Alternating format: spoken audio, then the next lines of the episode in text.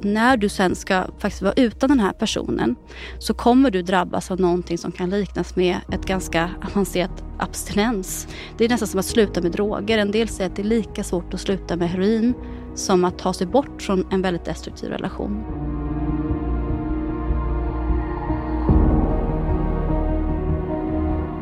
Välkommen till podden Mörkertalet. Jag heter Maria Larsson och är en social entreprenör med inriktning på brottsprevention och mänskliga rättigheter. Syftet med den här podden är att sätta ljuset på problem och hitta lösningar. Jag bjuder in gäster som har något att berätta och det blir ett samtal där vi diskuterar utifrån våra olika kompetenser och erfarenheter.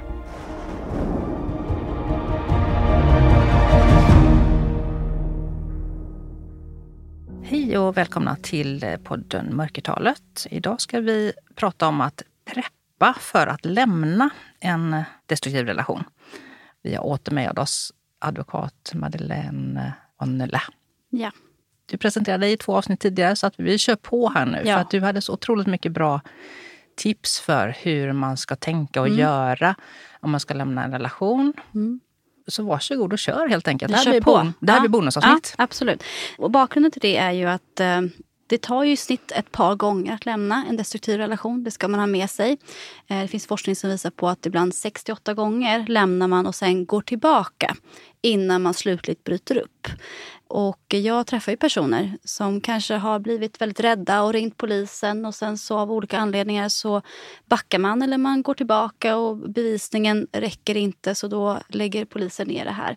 Och i de situationerna så brukar jag ändå försöka säga att har man väl anmält eller lämnat någon gång så kommer det vara lättare nästa gång du faktiskt vill lämna. Och då finns det en del saker man faktiskt kan tänka på tills man är redo. För min upplevelse är att väldigt många som lever i det här destruktiva, framförallt på slutet, de vet någonstans innerst inne att de måste lämna den här relationen. Men det är svårt och man vet inte riktigt hur och man är inte redo.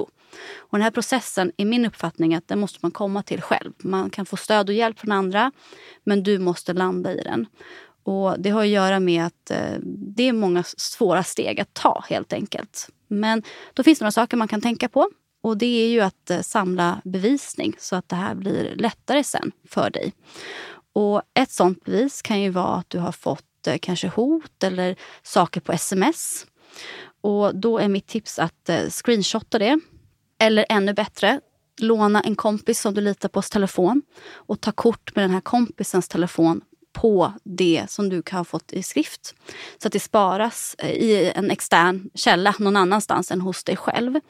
Och Det man också kan tänka på då det är att eh, har du fått exempelvis hot på sms så ha inte din partners namn så exempelvis om personen heter Kalle, så kanske inte ska stå Kalle och sen tar du en bild på det för att det blir liksom lite lägre bevisvärde. Utan låt själva telefonnumret synas på vem som faktiskt har skickat det här eh, hotet. Likadant om du har möjlighet att göra röstinspelningar eller liknande. Det är väldigt svårt att ofta styrka hot eller liknande. Och röstmeddelanden, det har du rätt att spela in om du själv deltar i ett samtal. Ibland är det så här, man får inte spela in tror folk, men jo, det får du om du själv deltar. Däremot så får du inte lämna en inspelning på ett bord exempelvis och sen lämna rummet. Då blir det liksom en olaglig avlyssning. Då begår du själv ett brott. Men som sagt, du kan alltid själv spela in och det finns ganska bra, om man nu vill vara lite James Bond, finns ganska mycket bra utrustning, exempelvis på Teknikmagasinet och liknande. Det behöver inte vara att du använder din telefon. Så. Prata. Lever du i en destruktiv relation så försök att välja ut någon som du litar på och som du berättar om vad som faktiskt händer. För det blir också ett bra stöd i bevisningen och processen framöver. Någon som följer dig och som du litar på till 100 procent. Sen är det inte alla som har det stödnätet helt enkelt. Då kan du också ta hjälp av stöd, kuratorer och liknande. Om du har den möjligheten. Det brukar också vara ett långt steg däremot att ta, att berätta för någon helt utomstående. Så därför kanske en vän eller liknande kan vara bättre. Även försök att föra dagbok digitalt eller skriftligt. För att det som ofta händer är att jag brukar kunna likna det här med att, eh, men tänk dig din eh, favoritmåltid. Jag vet inte, vad är din favoriträtt? Um, ska vi se här. Ja, men, uh, musslor. Musslor? Mm. Ja, ja, musslor vet inte hur ofta man äter mm. musslor. Men min favoriträtt är mm. exempelvis spagetti och köttfärssås. tycker jag är jättegott. Och jag vet att jag ätit spagetti och köttfärssås massa gånger. Men om du skulle fråga mig, berätta senaste gången du ätit spagetti och köttfärssås. Jag har ingen aning. Jag kan inte berätta några detaljer om senaste gången jag åt spagetti och köttfärssås. Eh, jag kanske kan komma ihåg att jag hade min syster på besök och då åt vi det för någon månad sedan. Då har jag någonting att hänga upp det på. Men annars kan det vara ganska svårt att beskriva alla de här gångerna jag ätit den här maten. Och likadant är det ju med våldet du varit utsatt för, för det är så normaliserat. Det blir jättesvårt att minnas alla de här gångerna. Så därför att skriva ner, ha en tidslinje är jättebra. Sen blir nästa fråga, hur ska man förvara det här? För det är klart att det kan också vara en säkerhetsrisk om din partner skulle hitta det här. Och då får man ju tänka, kanske du kan ha det på jobbet. Man kan ha digitala dagböcker där du skriver upp ett Word-dokument på din jobbdator. Det är en nackdel nu för tiden när väldigt många också jobbar hemifrån och tar hem dem. Men har du exempelvis något skåp du kan låsa in din dagbok i på jobbet så kan det vara bra för då kan inte någon komma åt det. Det finns också speciella appar appar som kan vara krypterade där du kan spara ner saker och liknande. Men försök att inte ha allting liksom i din telefon. För någonting som jag ofta ser det är att i samband med att det kanske händer saker, kanske din telefon, den andra kanske har sönder den helt enkelt. Eller är rädd eller går in och raderar och liknande. Inför att du ska lämna, tänk också på att byta alla lösenord överallt alla cloudtjänster, allting sånt. Stäng av alla trackings som du har på dina mobiler och enheter. Jätteviktigt. Tänk även på banken. Spåra att det inte finns fullmakter till din partner. Spåra att det inte finns, ibland kan man ha bankdos eller liknande som är på vift. Spärra allt sånt. Det är också jätte, jätteviktigt. Så att du har din ekonomi så att inte den här personen får tillgång till de här sakerna den dagen du väl bestämmer dig för att lämna.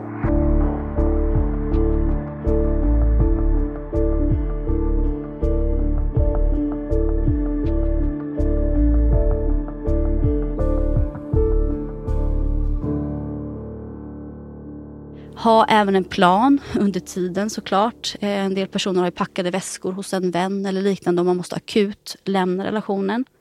För det kanske man också ska tillägga här att eh, är man rädd så ska man ju självklart, och det är mitt första råd, ring 112 och anmäl. Sen vet jag i praktiken att det kanske inte alltid sker och det är därför jag säger de här råden nu tills du är redo att göra de här sakerna. Men det är klart att är det en fara för din eller andra säkerhet så ska du självklart ringa till polisen i första hand. Men kolla upp vad finns det för skyddade boenden runt omkring. Har du husdjur? Det är också en sån här vanlig grej att en del skyddade boenden tar inte emot husdjur. Men det finns vissa som gör det och det finns också speciella organisationer som tar emot djur tillfälligt.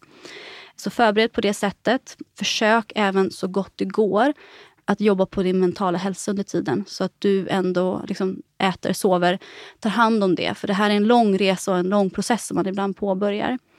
Och det man ska ha med sig, och det nämnde ju du jag lite innan vi gick in här, att har du varit utsatt för våld under längre tid, du har ju fått, det finns forskning på det, hjärnskador av det. Alltså det behöver man också ha förståelse för, de här mekanismerna. Och att det kommer vara en period när du lämnar, där du, och det är det här som folk har svårt att förstå, eftersom det blir det man brukar kalla för traumabindningar i de här relationerna. Vilket innebär att när du sen ska faktiskt vara utan den här personen så kommer du drabbas av någonting som kan liknas med ett ganska avancerat abstinens. Det är nästan som att sluta med droger. En del säger att det är lika svårt att sluta med heroin som att ta sig bort från en väldigt destruktiv relation. För du har bundit upp din kemiska balans är att när personen är dum mot dig, då sjunker dina hormoner. Och sen när personen är snäll mot dig, då skjuter dina dopaminer i höjden. Och när du då tar bort den här personen, då kommer dina dopaminer, alla de här gladhormonerna kommer försvinna helt. Och det här behöver du liksom vara medveten om så att du den dagen förstår att okej, okay, det här kanske inte är egentligen kärlek. Det här är hormoner som gör att jag vill gå tillbaka eller ringa den här personen. Och den dagen du lämnar, om du har möjlighet, försök att gå ingen kontakt första perioden. För det är så lätt annars att hamna tillbaka där. Du behöver liksom institutionstecken tända av. Så. Sen självklart tycker jag, har du möjlighet, gå till rådgivning.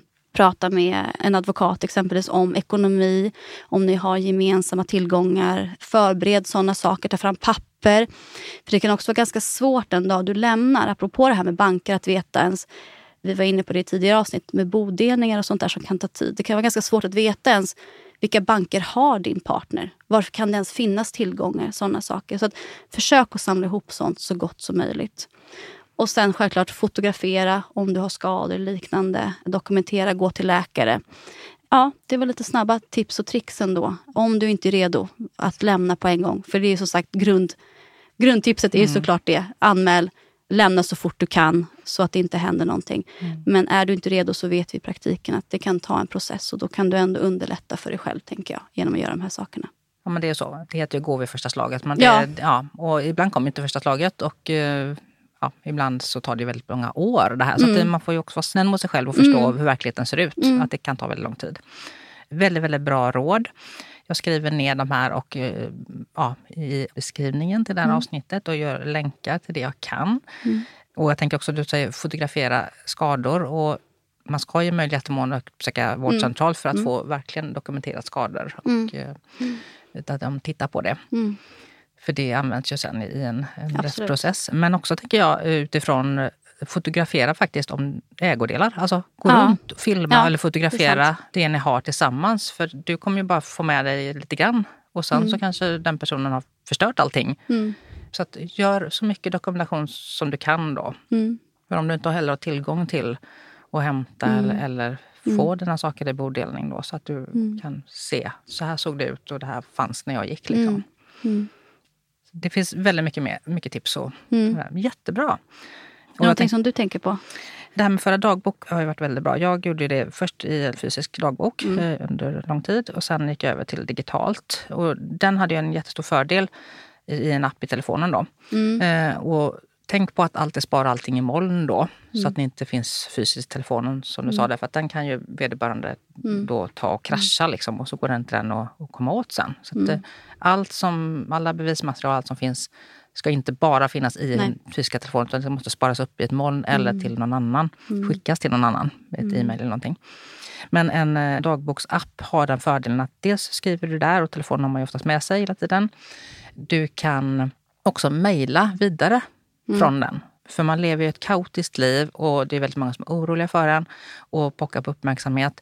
Skriver man vad som hänt i sin dagbok så kan man också dela det med vissa utvalda personer mm. som har en stor oro. Kanske sin mamma eller någon som man liksom bryr sig om. Då, så att de ändå får lite reda på vad som händer. Men man behöver inte bli belastad av att återupprätta mm. allting hela mm. tiden. För att man har ju fullt upp med att klara av sitt liv, förstå vad man ska göra, komma därifrån. Och alla oroliga människor som man då behöver dela information med då för att mm. de eh, också ska inte gå sönder av mm. oro mm. i det här. Mm. Att, um, och återigen, lita inte på att den andra inte har koll på din telefon. Nej, eller liknande nej. om du har, mm. vi säger att man har ett larm hemma. Mm. Exempelvis ibland i de här relationerna, du är mycket mer bevakad än mm. vad du faktiskt tror att du är. Tänk på att har du exempelvis, vi tar de här larmen, du vet, och du har kameror inomhus. Ja. Prata inte om saker och ting, nej. även om din partner inte är hemma. För folk kan logga in på mm. de här mm. kamerorna och liknande. Det låter mig lite paranoid, men, nej, nej. men det här händer. Det liksom, och det är verkligheten. Så tänk på det och, och, tänk på att välja ut några som sagt utvalda som du litar på så att mm. du får det så säkert som möjligt. Mm. Så att det inte ökar på risken helt enkelt. Mm. Ja, och så fort som möjligt då byt telefon. Mm. Ja, och det pratade vi om ett avsnitt här om spårbarhet tidigare. Hur man gör för att göra det på ett säkert sätt. Så att man verkligen, verkligen vet att det inte finns någon mm. avlyssning eller på något sätt mm. Eh, tillgång till det mm. från någon annan. Mm. Ja, jätte, jättebra råd. Det får nog bli det här lilla avsnittet ja. faktiskt. Så mm. stort tack för det. Ja. Och var starka där ute. Ni ja. klarar mer än vad ni tror. Precis, det är så. Sök så mycket hjälp som mm. ni orkar och mm. klarar av. Och eh, det finns jättemånga kompetenta personer Absolut. som vill hjälpa er där ute. Mm. Nu ska jag bara hitta dem. Mm.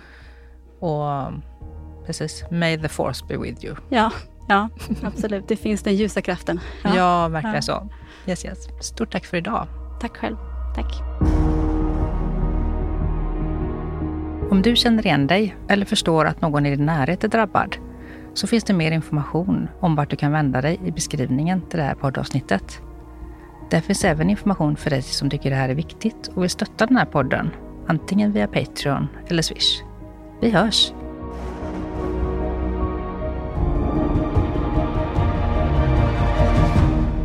Podden Mörkertalet produceras av mig, Maria Larsson och Stray Dog Studios.